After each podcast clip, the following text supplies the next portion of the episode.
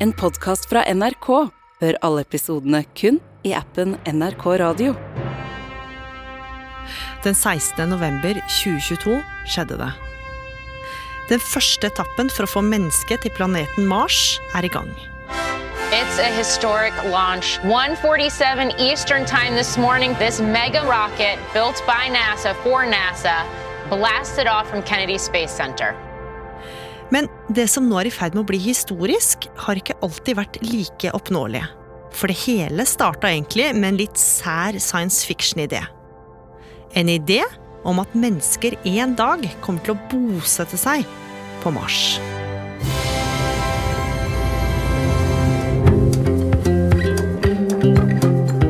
Du hører på Oppdatert. Jeg heter Gry Baby.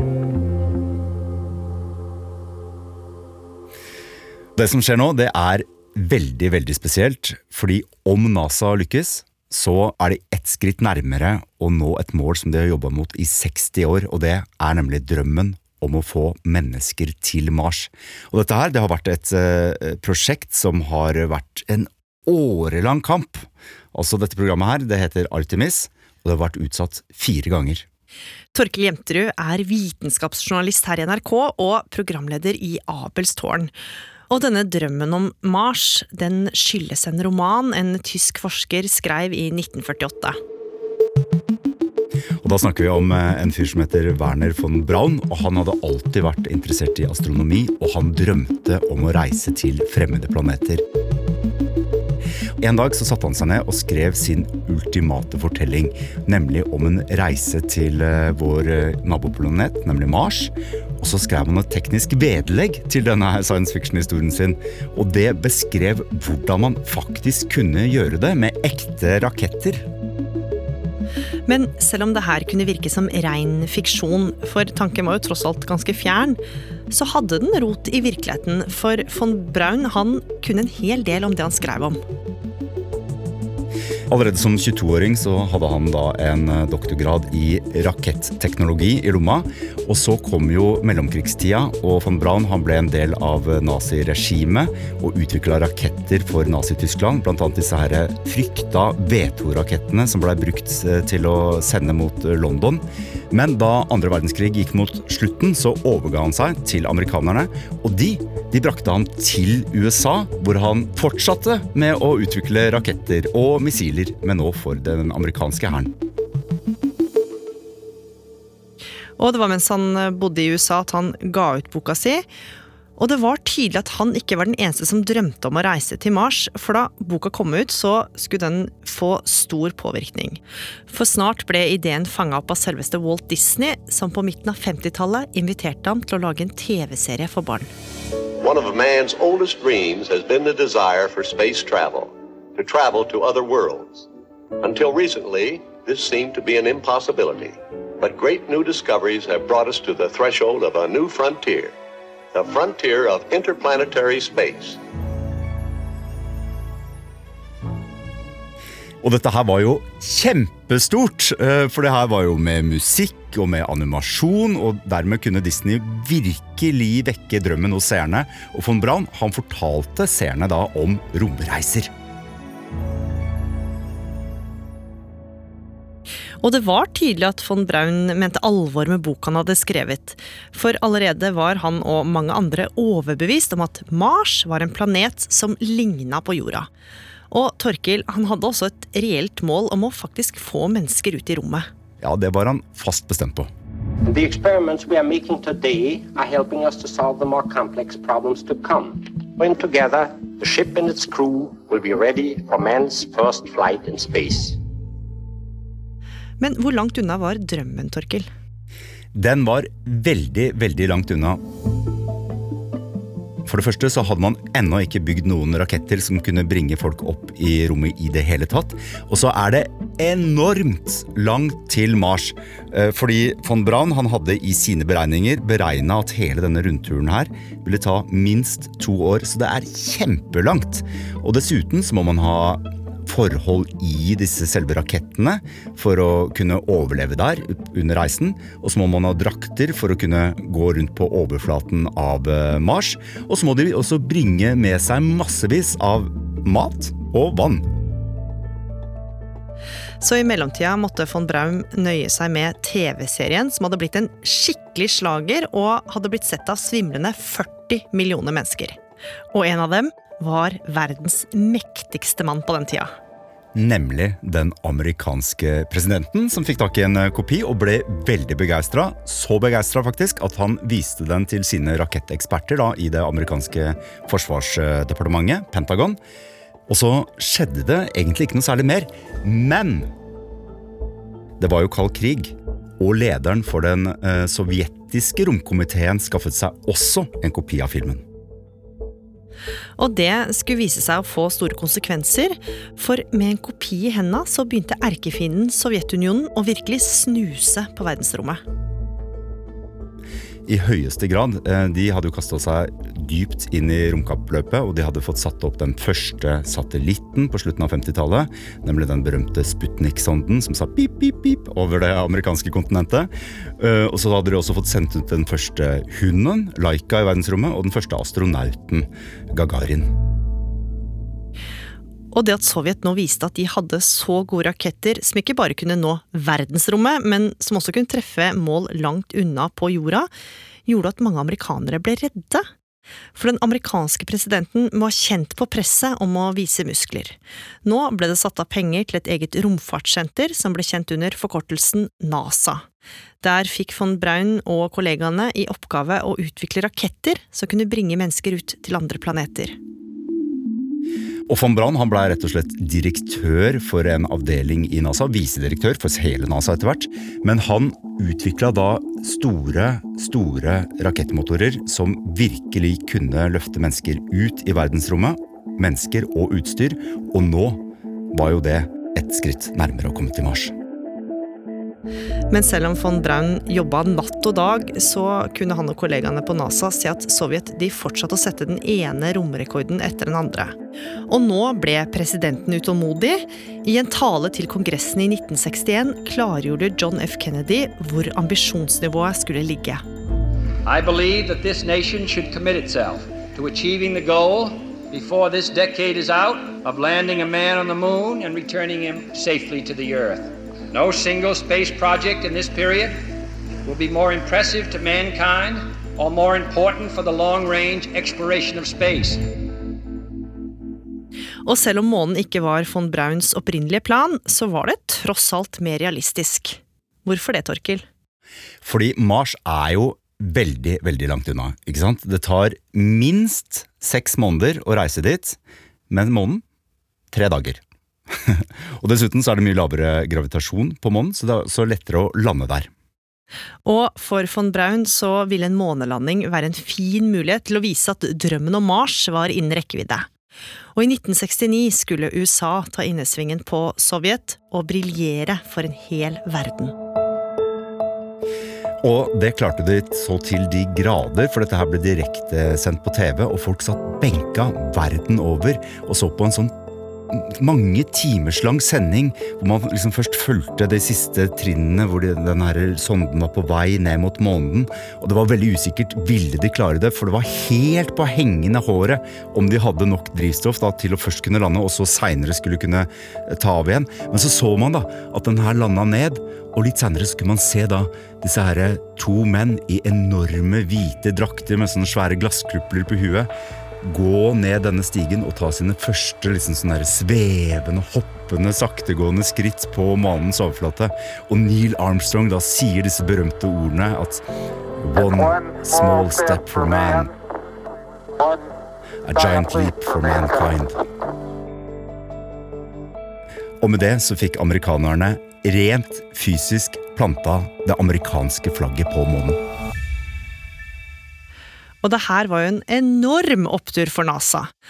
Og for von Braun så gjorde nok månelandinga at han følte at han var ett skritt nærmere målet om å nå Mars. Men sånn blei det ikke, for i stedet for å pøse på med mer penger og engasjement for oppdagelser i verdensrommet, ble drømmen om å komme seg til flere planeter redusert til kompromisser. Apollo-programmet det fortsatte jo, og de sendte flere folk til månen, og de sendte en liten bil som kjørte rundt der. Men allikevel så var det ikke like fengslende da, som første gangen. Eh, De gikk rundt og samla noe småstein osv. Etter hvert så mista det nyhetens interesse. Og Det hvite hus de tok etter hvert sparekniven fram, for de tenkte at vi klarte det, vi var først på månen, og det får holde. Og med det fikk von Braun også på mange måter nok. Han forlot NASA og begynte å jobbe for et privat selskap, og i 1977 så døde han. Uten van Braun falma drømmen om at menneskene skulle sette føttene sine på Mars. NASA ble mer fokusert på forskning framfor å nå nye rekorder, og nå var det tydelig at det ikke var så viktig å være først lenger. Selv om USA fortsatte å sende ut romferger, var prosjektene langt mindre ambisiøse. NASA fikk også mindre penger, og nå begynte de også å samarbeide med andre land om romforskning. Det gjorde det. Det ble rett og slett oppretta en internasjonal romstasjon eh, etter hvert, hvor eh, både europeerne og russerne og amerikanerne og andre nye nasjoner også kunne bidra, og virkelig utforske litt mer sånn vitenskapelig da, hvordan mennesket påvirkes av eh, å leve ute i rommet, og hvordan man kan vokse planter, og hvordan teknologi virker i vektløs tilstand, osv. osv. Men til tross for internasjonalt samarbeid og forskning, så skulle NASA nå få seg et skikkelig slag i trynet. The last communications with the shuttle Columbia during its descent from orbit were at about 1. februar 2003 så skal nemlig da romfergen Columbia vende tilbake etter eh, et oppdrag ute i verdensrommet. Men på vei ned så mister kontrollsentralen kontakten med romskipet. Først har det vært noen småtegn på at noe er gærent, og så er alt dødt. Got a little problem on the Space Shuttle Columbia. It has been out of communication now for the past uh, 12 minutes. The Space Shuttle Columbia uh, was due for a landing right about now. Og du ser at disse her eh, som sitter i kontrollrommet, de prøver å få kontakt. De, sier, de kaller dem opp gjentatte ganger. Og alle ser litt sånn bekymra på hverandre og litt rådløse.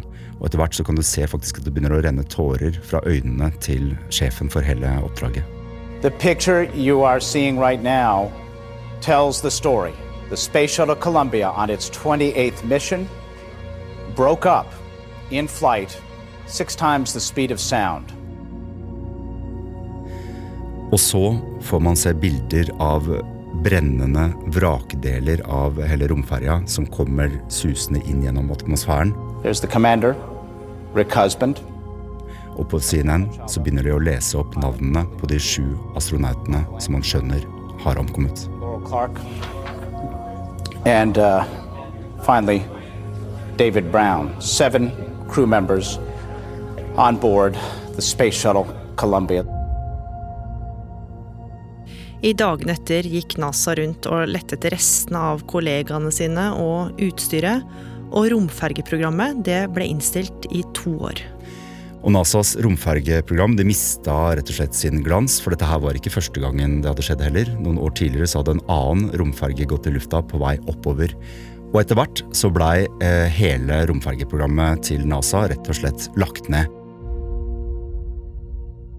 Og etter dette så måtte NASA leie plass på russiske raketter når de skulle sende sine astronauter ut i rommet.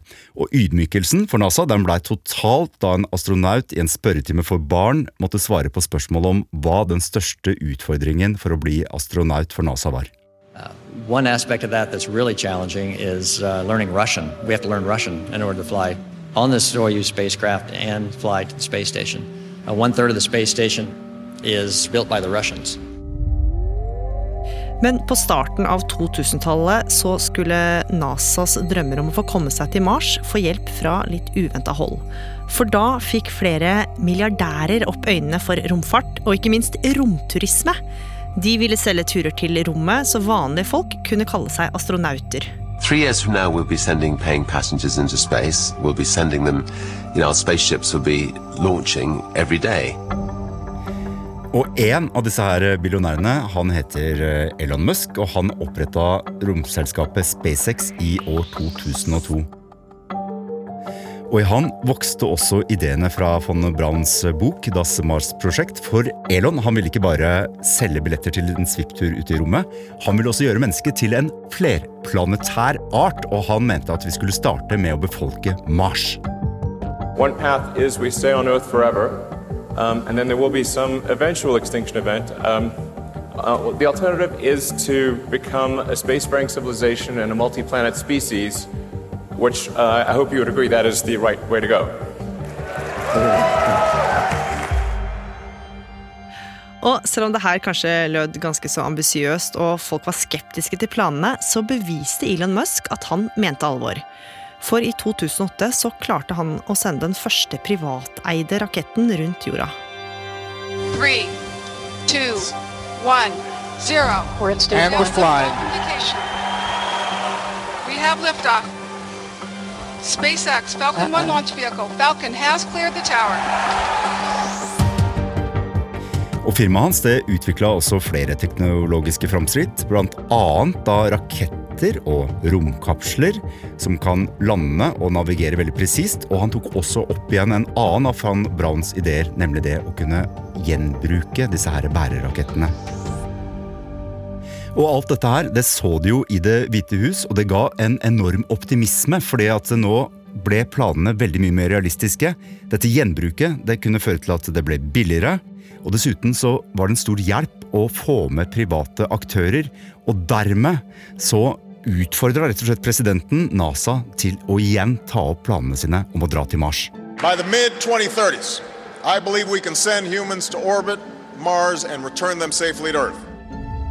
Og i 2020 ble det for første gang på ni år igjen sendt ut astronauter fra NASAs romsenter takket være samarbeidet med nettopp Elon Musk og SpaceX.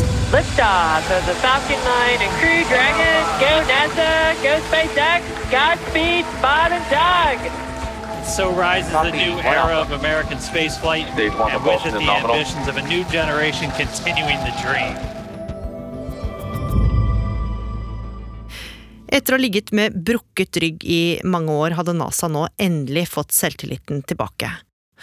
I nesten 50 år etter at de klarte å sende folk til månen, er de klare for å prøve igjen og komme seg enda lenger ut.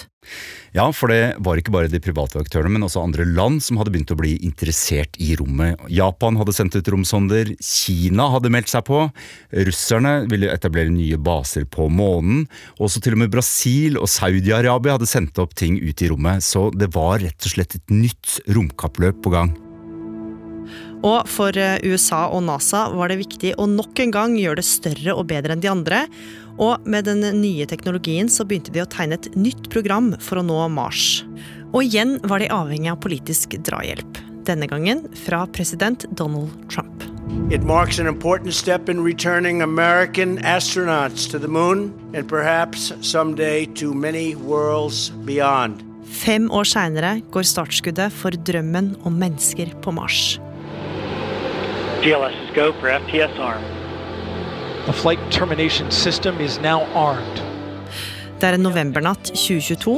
I kontrollrommet ved Kennedy Space Center i Florida er det spent stemning. For det som snart skal skje, er historisk.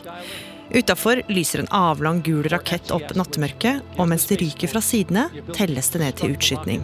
Så skjer det. Three, two, one. Boosters in ignition. And liftoff of Artemis 1. We rise together, back to the moon and beyond. Hele himmelen lyser opp idet raketten tar av og går til himmels.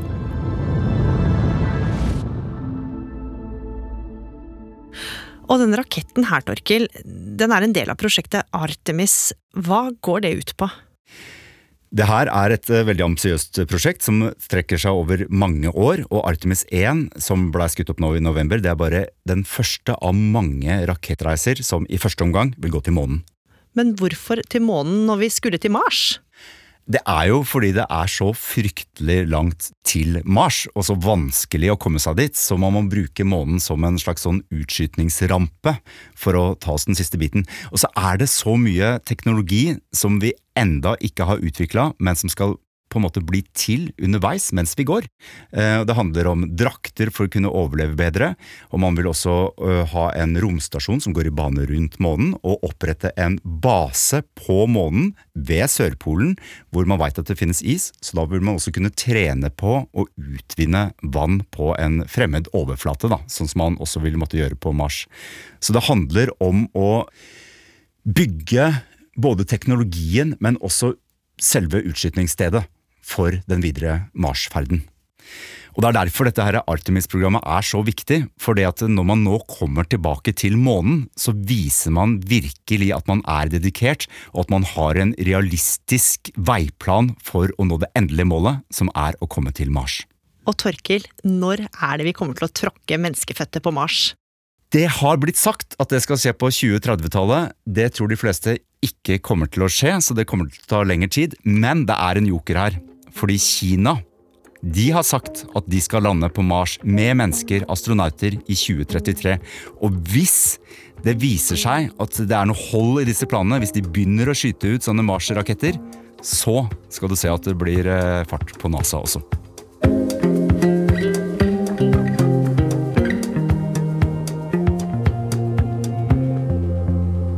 Oppdatert er en podkast fra NRK Nyheter, og denne episoden den ble laga av oss. Produsent Andreas Folberg. Lyddesign. Espen Bjørlo Mellem. Andreas Berge. Vaktsjef. Ina Swann. Og jeg heter Gry Veiby. Programredaktør er meg, Knut Magnus Berge. Klippene du har hørt, er fra CNBC, CNN, PBS, Disney, NASA, MDX Media og SpaceX. Har du tips eller innspill, så må du gjerne sende oss en e-post på oppdatert krøllalfa nrk.no. En podkast fra NRK. Hallo, hallo! Det er Ronny og Liv her fra vårt bitte lille julekott, hvor vi prøver å finne julestemninga. Senke tempoet, nyte tiden før jul. Bitte små blaff av takknemlighet. Er du nå midt i en stressende førjulshandel? Ser huset ut som et fullstendig kaos? Nelvik og jeg, vi er her for å hjelpe deg! Den magiske julestemningen. Vi skal klare det. Jeg elsker jul. Julestemning med Live og Ronny hører du i appen NRK Radio.